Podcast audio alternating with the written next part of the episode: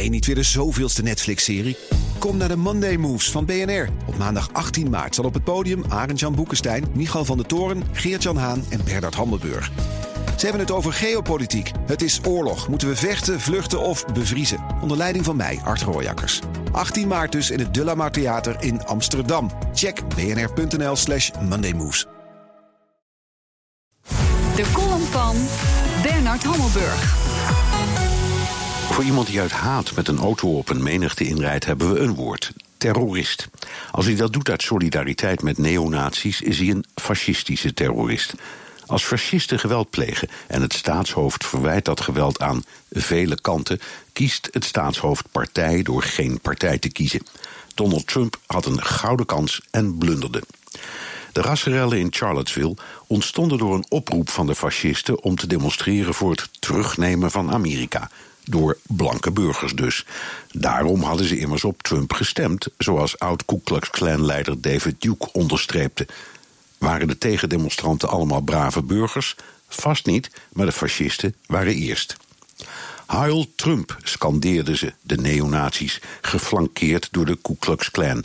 Twee volle dagen duurde het voordat Trump terugkwam op zijn slappe verwijt aan vele kanten en onder druk van zijn staf, de Democraten en zijn eigen Republikeinse partij, alsnog met een verklaring kwam waarin hij de fascisten noemde wat ze zijn: misdadigers en tuig. Tegen de automoordenaar loopt nu een strafvervolging.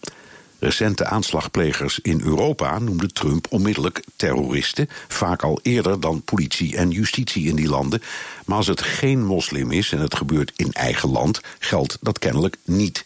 Hoewel Trumps adviseur voor de nationale veiligheid McMaster wel degelijk over terrorisme spreekt.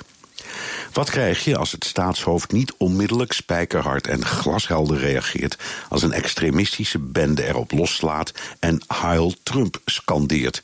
Dat de fascistische website Daily Stormer, die in deze rel een prominente rol speelt, de dader van die auto-aanslag omschrijft als een door een stelletje republikeinen terrorist genoemde man, die waarschijnlijk joods is en dus sowieso niet kan deugen.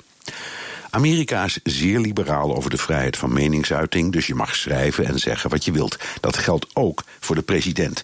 Kim Jong-un Vladimir Poetin en zijn eigen ministers en partijgenoten uitschelden, is kennelijk gemakkelijker dan de duivel de duivel noemen. Want ja, die hielp hem in het zadel. De column van Bernard Hammelburg, onze buitenlandcommentator, die kunt u lezen en luisteren, terugluisteren op bnr.nl en in de BNR-app. Hoi, Bob Snoer hier van Salesforce. Ontdek het nieuwe seizoen van Aanjagers. Patrick Willer en ik spreken iedere aflevering inspirerende gasten over verschillende thema's zoals leiderschap, diversiteit en innovatie. Luister Aanjagers via je favoriete podcastplatform Aanjagers, de podcast voor mensen die durven te veranderen.